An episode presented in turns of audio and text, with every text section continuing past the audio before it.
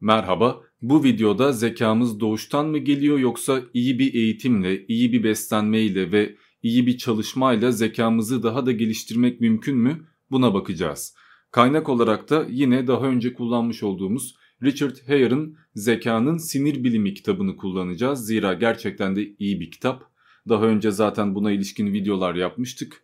Kitap 6 bölümden oluşuyor ve gerçekten her bölümüne başka bir video yapmak mümkün. Her bölümü de zaten alanında uzman psikologlar veya profesörler tercüme etmiş. Toplamda 6 bölüm var ve 6 kişi kitabın tercümesiyle uğraşmış. Yine şöyle görsellerle, deneylerle, araştırmalarla olayı hoş bir şekilde aktarmışlar. Ben kitabın linkini hem açıklamaya hem de yoruma koydum. Daha fazla bilgi edinmek isteyenler bakarlar. Şimdi genel fikre göre bir kişi eğer doğuştan zeki ise yani gerçekten de bir deha varsa bu durumda iyi bir eğitim almasa, fakir fukara bir ailede büyüse dahi bir yerde o zeka sayesinde bir başarı elde edecek ve yükselecektir. Çünkü o zekaya sahip bir insan öyle eğitimsizlikle veya para sıkıntılarıyla arka planda kalmaz. İlla ki bir yerde bir çıkış yolu bulur. Ama kişi eğer doğuştan düşük zekaysa veya yeterli potansiyeli yoksa en iyi eğitimi alsa, en iyi öğretmenler ona ders verse ve zengin imkan dolu bir hayat yaşasa dahi belli bir noktadan sonra bir işe yaramayacaktır. Yani şöyle bir örnek vereyim. Herkes eğitim alıp bir enstrüman çalmayı veya bir nota yazmayı başarabilir. Ama bir Beethoven olmak veya bir Bach, bir Mozart olmak dehaya, zekaya, yeteneğe bakar. Bu açıdan eğitim insanları belli bir nebzeye kadar taşıyabilir. Asıl önemli olan doğuştan gelen zekadır derler. Fakat bunun tam tersini iddia edenler de var. Örneğin G.B. Watson şöyle diyor. Bana bir düzine sağlıklı, normal çocuk verin ve onları istediğim gibi yetiştirebilmem için kendi koşullarımı yaratın. Size garanti ederim ki içlerinden rastgele seçtiğim birini, yetenekleri, tutkuları, eğilimleri ve ırkından bağımsız bir şekilde istediğim herhangi bir mesleği edinmek üzere eğitebilirim. Doktor, avukat, tüccar, dilenci ya da hırsız bu epey büyük bir iddia ama eğer insan bir tabula rasa yani boş bir levhadır ve ona ne veriyorsan onu alır. Doğuştan gelen hiçbir özelliği yoktur dersek bu durumda fazla katı davranmış oluruz ve her şey koşullara bağlanmış olur. Yani ben bir kötülük yaptığımda, birine tecavüz ettiğimde veya bir hırsızlık yaptığımda koşullar beni buraya getirmiş olur. İnsanlar onlara verilen potansiyeli ve imkanları doğru değerlendirmeleri suretiyle iyi veya kötü konumlara erişmiş olurlar. Yani piyangoyu iyi kullanmaya bağlı olmuş olur. Her şey bundan ibaret kalır. Peki öyle mi gerçekten de? Yani sosyal hayatta, evrimsel süreçte veya dış dünyada vücut yapımız uzun boylu veya kısa boylu olmamız, kalıplı veya zayıf olmamız bu gibi fiziksel özellikler bizim hayatımızı gerçekten de etkilemiyor mu? Tarih boyunca hep en uygun olan hayatta kalmadı mı? O halde bunu niçin soyut özellikler içinde geçerli sayamıyoruz? Neticede bizim beynimiz de vücudumuzla beraber evrimleşti. Yani beden değişiyorken, adapte oluyorken beynimiz de buna adapte oldu. Haliyle beden değişmişken beynin de zihnin de değişmediğini varsaymak yanlış olur. Nihayetinde genler saç rengimizi, göz rengimizi, boyumuzu, posumuzu, her şeyimizi etkiliyor ve aldığımız gıdalar, tükettiğimiz yemekler bir nebzeye kadar etkili olabiliyor e, iş zekaya geldiğinde genler hiç mi etkili olmayacak? Elbette bu konuda bir takım tartışmalar hala sürmekte. Ve zaten bunlardan bahsedeceğim ama genleri doğru anlamak gerektiği için şöyle bir ayrıntı vereyim. Bazı genler deterministiktir. Evet yani değişmezler. Örneğin göz rengimi belirleyen gen değişmeyecek. Yani şu anda göz rengim ela eğer yarın uyandığımda mavi olmayacak. Ama bazı genler örneğin zeka ile alakalı soyut kavramlarla alakalı genler daha değişmeye müsait, manipüle edilmeye müsait ve tek başına var olmayan genlerdir. Yani zeka ile alakalı tek bir gen yoktur aslında. Zekayı etkileyen, zeka ile ilişkisi olan ve onu tetikleyen başka başka genler vardır. Bu yüzden de bunlar olasılıksaldır. Zira kompleks bir şeyden bahsediyoruz. Ve bazı genler belli bir özelliğe sahip olma ihtimalinizi arttırıyor olsa da bu özellik illa da ortaya çıkacak veya öyle kalacak diye bir şey yoktur. Örneğin gensel bakımdan kalp krizi geçirmeye daha yatkın bir yapınız olabilir. Yani bünyeniz daha zayıftır ve kalp krizi geçirme ihtimaliniz diğer insanlara göre daha fazladır. Ama düzgün beslenmeyle, spor yapmayla, egzersizle bu ihtimali azaltmak ve hayatınız boyunca hiç kalp krizi geçirmeden 80 yaşına kadar yaşamak ihtimali her daim bakidir. Ve zekamız gerçekten de bir tek genlerden kaynaklanıyor olsa dahi bu zekanın bize verildiği şekliyle kalmayacağı belli. Yani yaşantı esnasında zekamızda da bir alçalma veya yükselme illaki olacaktır. Bu yüzden de önemli olan zekayı akıl dediğimiz araçla doğru bir şekilde kullanmayı başarmaktır. Yani ham zekanın yüksek olması tek başına bir şey ifade etmiyor. Toparlarsak iki tane zıt görüşle karşı karşıyayız ve bir görüş diyor ki zeka dediğin şey, karakter dediğin şey doğuştan gelir ve ne yaşadığının ne gördüğünün hiçbir önemi yoktur. Yani hayat şartları bunlar bahane. Diğer bir görüş diyor ki zeka ya da iyi ve kötü olma özelliği doğuştan gelmez. Bu öğrenilen bir şeydir. Aldığın eğitimle, büyüdüğün aileyle, kültürle, çevreyle alakalı sonradan kazanılan bir özellikten bahsediyoruz. Ama iki görüş de tam anlamıyla taraftar bulmadı. Yani zamanında bulmuştu ama şu anda makul dediğimiz ve daha genel kabul gören görüş dengeyi sağlayan görüştür. Yani ne tam anlamıyla genler ne tam anlamıyla çevre bize zekayı veya karakteri vermiyor. İkisinden de pay alıyoruz ve ortak bir şey ortaya koyuyoruz. Diğer bir ifadeyle doğuştan süper zeka olsan dahi eğer yeterli imkanlar sağlanmadıysa hiçbir başarıya imza atmadan alelade bir insan gibi ölmen mümkün. Ve düşük zekalı doğduysan da mükemmel bir eğitim alsan dahi çok bir işe yaramama ihtimali yüksek. Elbette ufak tefek değişimler yaşanacak ama burada tamamen bir değişimden bahsetmiyoruz.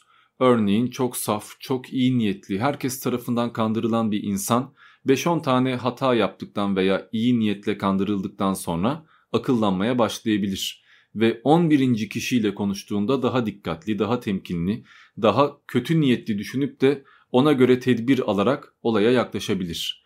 Aynı şekilde çok kötü niyetli böyle bencil bir tek kendine kıymet veren bir insan da bir takım travmalar yaşadıktan veya kötü ilişkilerden sonra daha anlayışlı, daha yardımsever, daha düzgün bir insan olmaya doğru ilerleyebilir. Ama neticede tabiat dediğimiz şey yani genlerden gelen, doğuştan gelen o karakter tam anlamıyla değişmeyecek. Yalnızca biraz modifiye edilmiş olacak ve nihayetinde hem karakter hem de zeka hem genetiğin hem de hayatın bir karışımı olacak. Yani Piaget'in örneğiyle söylersek eğer söz konusu bir tarla olduğunda eni boyundan daha önemli değildir. Yani çok incecik ama upuzun bir tarla bir işe yaramayacaktır ve aşırı geniş ama çok dar bir tarla da yine iş görmeyecektir. Önemli olan ortalamayı, standardı tutturmak yani ideal olana ulaşmak ve iş insan olduğunda da tek başına genetik veya tek başına çevre yeterli olmayacaktır. Ama iş insan olduğunda irade de devreye girdiğinden dolayı bir tanesi diğerinden daha önemli olmak zorunda. Çünkü öyle olmasaydı hiçbir eğitim almadığı halde adını tarihe yazdıran önemli mucitlerle karşılaşmaz ya da çok iyi eğitimler aldığı halde hiçbir işe yaramayan onlarca öğrenci görmezdik. Dolayısıyla iş insan olduğunda biraz problemli bir duruma geçiyoruz ve bu yüzden zaten araştırmalar da yıllardır devam ediyor ve tam anlamıyla böyle net bir sonuca ulaşmış değiliz. Aslında bu yetişme şartları ve tabiatla alakalı çekişmeyi inceleyen alanlar nörobilim ve epigenetiktir. Ama bunlar daha 50 yıldır bu işlerle uğraşabiliyorlar. Yani daha gençler ve bu yüzden de çok uzun bir araştırma yapma ve gerçek anlamda geniş kapsamlı bir çalışma yürütme şansımız olmadı. Birçok araştırmacı en başında zekanın ya da iyi ve kötü olmanın çocukluk yaşlarında edinilen bir şey olduğunu söyledi. Yani tabiatımızdan veya genlerimizden hiçbir şey almadığımızı alıyorsak bile öyle %10 falan yani çok ufak bir şey aldığımızı iddia etti. Bu yüzden de eğer birisi kötüyse tamamen şartlar yüzünden kötüydü ya da düşük zekaysa tamamen şartlar yüzünden düşük zekaydı. Yeterli koşullar sağlandığında her insan evladı ideal bir noktaya çıkabilirdi. Bu yüzden de evde ve okulda aldığınız eğitim, inandığınız din veya büyüdüğünüz kültür bunlar son derece önemliydi. Ama sonradan bakıldı ki öyle çocuk yaşlarda yüksek IQ çıkan insanların hepsi büyüdüğünde başarılı olmuyor ve devlet bunları gerçekten iyi bir eğitim programına alıyor, imkanlar sağlıyor, destek oluyor ve buna rağmen gerçekten de öyle 140, 150, 130 IQ insanlar beklediğimiz gibi ahım şahım bir şeyler yapmıyorlar. Demek ki çocuk yaşlardaki zeka ile yetişkinlikteki zeka arasında fark var. Haliyle 7'sinde neyse 70'inde de o muhabbeti pek de doğru gibi görünmüyor. En azından insanlar bu konuda şüpheye düşmeye başladı ve genetik tezler ön plana çıkmaya başladı. Yani kişi tabiatında neyse odur, aldığı eğitimin veya çocukken çıkan IQ'nun ya da çocukken yaptığı hareketlerin hiçbir anlamı yoktur. Çocukken dünyalar tatlısı, yardımsever, çok iyi bir birey olan bir vatandaşın büyüdüğünde psikopat veya seri katil olması da bir ihtimaldir. Ya da ilkokulda, ortaokulda derslerde başarı gösteren bir öğrenci liseye ve üniversiteye geldiğinde ergenlikte, gençlikte gayet başarısız, hatta derslerden bıkmış, eğitime önem vermeyen, vasıfsız bir insan olabilir. Bu yüzden de önemli olan tabiattır ve bu tabiat kişi büyüdükçe yani belli aşamalardan geçtikçe daha çok ortaya çıkar. Bu yüzden de ufakken ne gördüğümüzün pek de bir önemi yoktur. Ama genetik tezlerle alakalı çok fazla vakit harcamayacağım çünkü bunlar hala devam ediyor. Yani hala bir noktaya ulaşmadı ve genelde çok fazla kavram var. Yani ağzımdan çıkan iki kelimeden bir tanesine altyazı koymak ve açıklamak zorunda kalacağım ve bu gerçekten yorucu ve sıkıcı bir hale gelecek. Eğer tıp okuyan, doktor olmayı hedefleyen veya bu alanlarda çalışmak isteyen bir insan değilseniz pek de faydalı olmayacaktır. E, eğer öyle bir insansanız da zaten okulda anlatacaklar. Yani üniversite bitmeden öğrenmiş olacaksınız. Bu yüzden de şimdi anlatmasak da olur. Bu sebeple ben size olayı özetlemek niyetindeyim. Bir gen birçok alakasız kalıbı etkileyebilir ve birçok gen tek bir kalıp üzerine etki edebiliyor. Ve uzmanlar genelde zekanın kalıtılabilir ve poligenetik olduğunu iddia ediyorlar. Zira bu doğrultuda bir takım veriler elde edildi. Hem yapılan deneyler gösterdi ki tek bir zeka geni yok hem de öğrenildi ki zekayı etkileyen tek bir gen yok. Yani tam anlamıyla zeka geni diyemesek de zekayı etkileyen birçok gen var. Ve zekanın en azından bir nebze kalıtımsal olduğu belli. Hani derler ya erkek çocuğa zeka anneden geçer. Yani bir nebze doğru.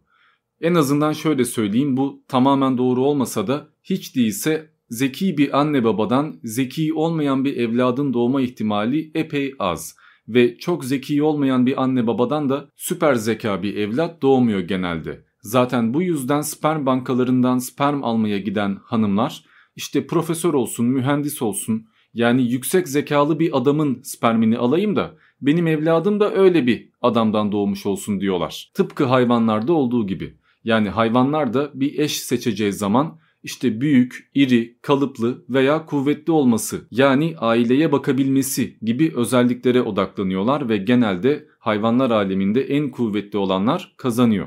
E insanlar aleminde de kuvvet dediğimiz şey ya parayla ya zeka ile alakalı. Yani sadece kalıplı bir adam olmak yetmiyor artık. Zeki olmak, başarılı olmak ve biraz da iyi bir bütçeye sahip olmak gerekiyor. Ha arada elbette anne babaya kıyasla daha farklı bir düzlemde IQ'ya sahip olan evlatlar doğuyor olabilir. Ama bunlar hani milyonda bir. Bu yüzden de bunları genel objektif bir veri olarak alamıyoruz. Bunlar daha ziyade anomali veya istisna diye sayılıyor. Zekayı arttırma muhabbetine bir değinmek gerekiyorsa aslında bu bir spekülasyon. Yani çok düşük zeka birisi bir takım egzersizlerle yüksek zeka olamayacak öyle bir şey yok en fazla şöyle bir etken var. Yani balık yağı tüketmek gibi, ceviz yemek gibi odaklanmamızı kuvvetlendiren gıdalar tüketerek sınavlardan başarılı çıkmak veya ders çalışıyorken aklımızda daha fazla şeyin kalmasını sağlamak mümkün. Bu da zaten sizin daha yüksek puan yapmanız ve daha bilgili görünmenizi sağlar. Ama bilgili olmakla zeki olmak arasında fark var. Daha önce anlatmıştım zaten. Yani kitap okumak, birçok şey öğrenmek, bilgi sahibi bir insan olmak sizin kendinizi daha iyi ifade etmenize ve kelime haznenizi daha da büyütmenize olanak sağlayacak. Ama ham zekanızı etkilemeyecek. Yani sizi 110 IQ'dan 130 IQ'ya çıkarmayacak. Şimdi IQ'nun ya da zekanın maddi durumunuzla ya da yetiştiğiniz aileyle pek bir alakasının olmadığının en belirgin örneklerinden biri Amerika'da 1969'dan sonra kabul görmeye başladı. Çünkü Başkan Johnson fakirliğe karşı bir mücadele verdi ve alt tabakanın önünü açtı. Beklentiye göre alt tabakadan gelenler sınavlarda düşük başarı sergilemeliydiler ama öyle olmadı. Head Start programı dediğimiz çalışma bunun en büyük kanıtıydı. Şöyle anlatayım. Genelde o döneme kadar siyahilerin genetik olarak daha düşük bir zekaya sahip olduğunu düşünüyorlardı. Mesela psikolog Johnson bunlardan biriydi ve bu konuda bir düzine makale yayımlamıştı.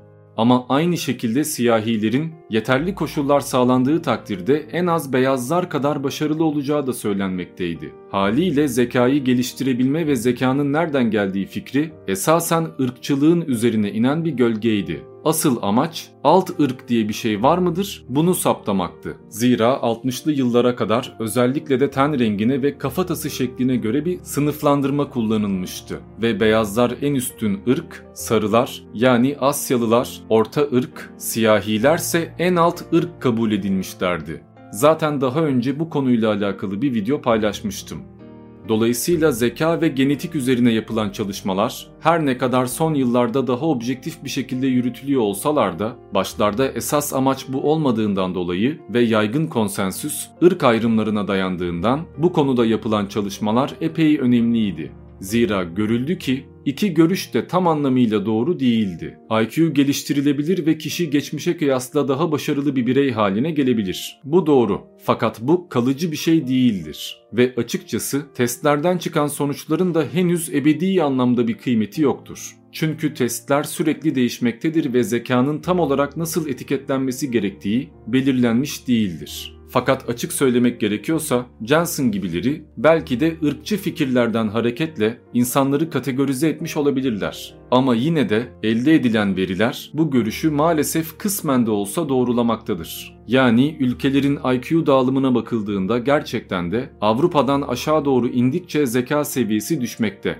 ve bu bir tek eğitimden kaynaklanmıyor. Yani Avrupa'da çok daha iyi bir eğitim var da insanlar o yüzden yüksek zekalı ama diğer bölgelerde o kadar da iyi bir eğitim yok bu yüzden de insanlar yeterince yüksek zekaya sahip değil gibi bir cevap tam anlamıyla çözüm sunmuyor. Nasıl ki bir beyaz yüzme sporlarında bir siyahiye göre daha avantajlıysa çünkü latissimus dorsi ve sırt kasları yüzmeye daha uygunsa bu yüzden de genelde yüzme şampiyonları hep beyazsa, nasıl ki siyahi kadınlar kalça yapıları yüzünden daha kolay doğurabiliyorlarsa ve nasıl ki siyahiler bacak yapıları sayesinde koşu ve atlama gibi dallarda bizden çok daha üstünlerse, hatta omuz yapıları sağ olsun, boks gibi sporlarda da genelde en büyük şampiyonlar siyahilerden çıkıyorsa, tıpkı Muhammed Ali ya da Mike Tyson gibi aynı şeyi neden zeka konusunda da varsaymayalım. Yani siyahiler fiziksel bakımdan çoğu konuda beyazlardan daha avantajlı olabilirler. Fakat belki de analitik düşünme veya uzun vadeli planlar yapma, problem çözme gibi konularda beyazlardan daha dezavantajlı evrimleşmiş olabilirler. En azından bu da bir ihtimaldir.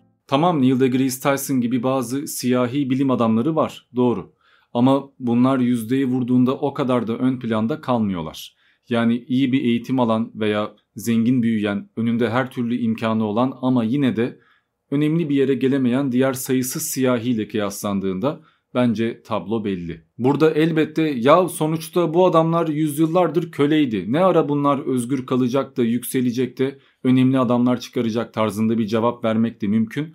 Ama bizler hani 300-400 yıl önceki kölelik devrinden bahsetmiyoruz. Şu andan bahsediyoruz. Yani bu adamlar kabuğunu daha şimdi kırmış değiller eğer bir başarı ortaya koyacaklarsa en azından bir 50-60 yılları vardı.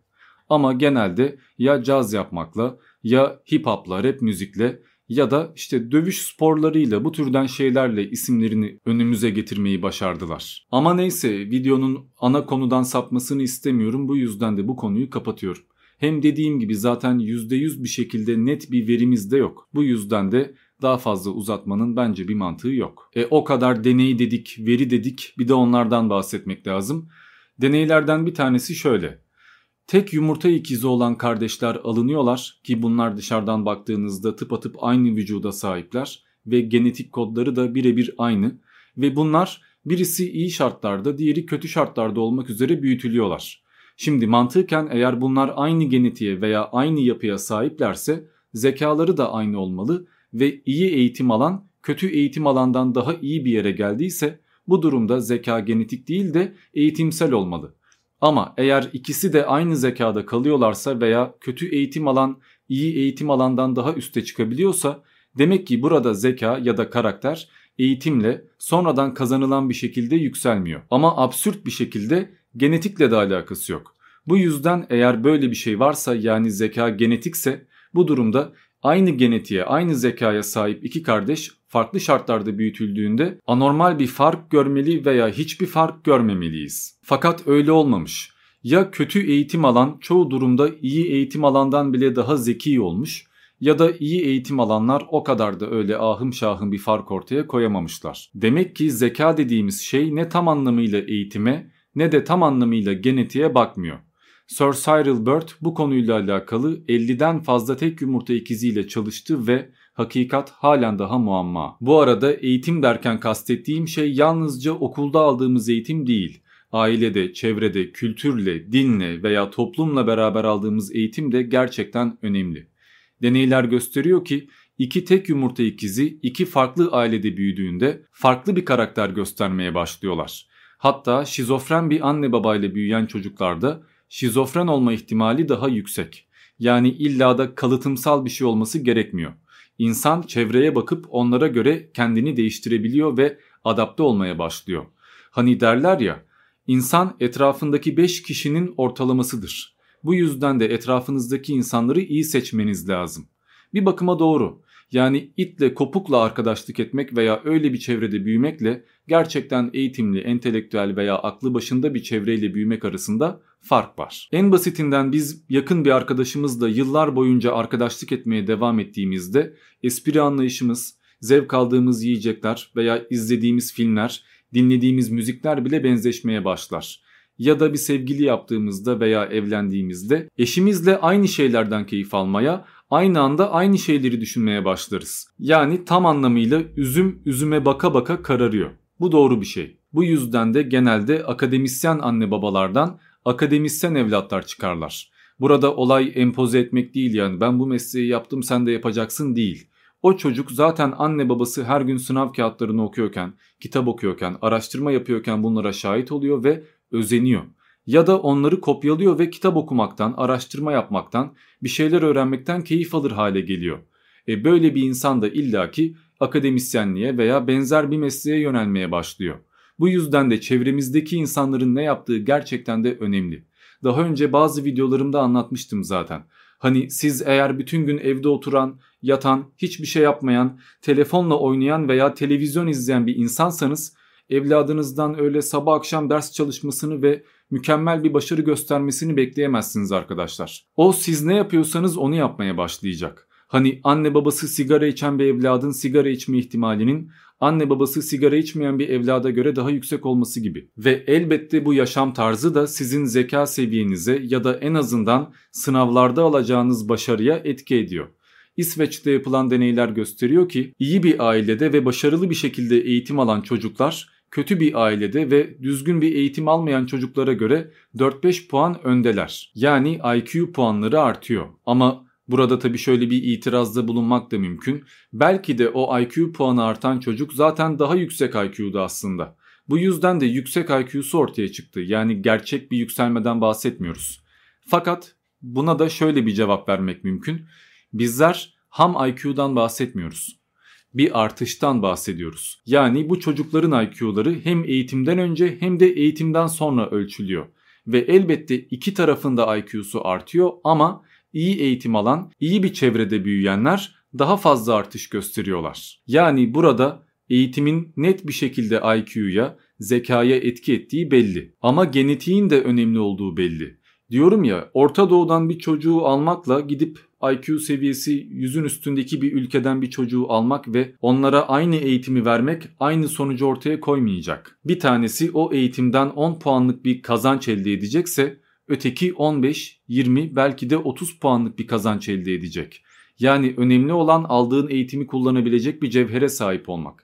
Genetik bakımdan şanslı olmak. Toplamda dünya genelinde 1300'den fazla tek yumurta çiftinde bu deneyler yapıldı ve görüldü ki aslında o kadar da büyük bir olaydan bahsetmiyoruz. 0.65 ila 0.70 civarında ufak oynamalar var. Temelde sizin zeka seviyeniz zaten yüksekse yüksektir ve daha da yükselmesi mümkündür ama düşükse çok da yükseltmek mümkün değildir. Yani zeka evet doğuştan gelen bir şey ve gayet önemli Ama eğitim de gerçekten ciddi bir role sahip. Yani ne genetik ne de eğitim tek başına yeterli gelmiyor. Buna rağmen hatırlatmam lazım. Elimizde %100 bir şey yok. Çünkü yapılan deneyler hep aynı yaş grupları arasında yapılmadı. Örneğin 4-6 yaş arasındaki çocuklarla yapılan deneyler gösteriyor ki çarpraz kesitsel veriler dolayısıyla kalıtımsal zeka %40 ila 50 civarında. Ama daha büyük yaşlara veya yetişkinliğe doğru ilerlediğimizde %85'e kadar oynayan bir oranla karşılaşıyoruz. Yani çocukken yapılan testler ve çocukken gösterilen zeka ile yetişkinken yapılan testler ve yetişkinken gösterilen zeka arasında neredeyse iki katı kadar bir fark var.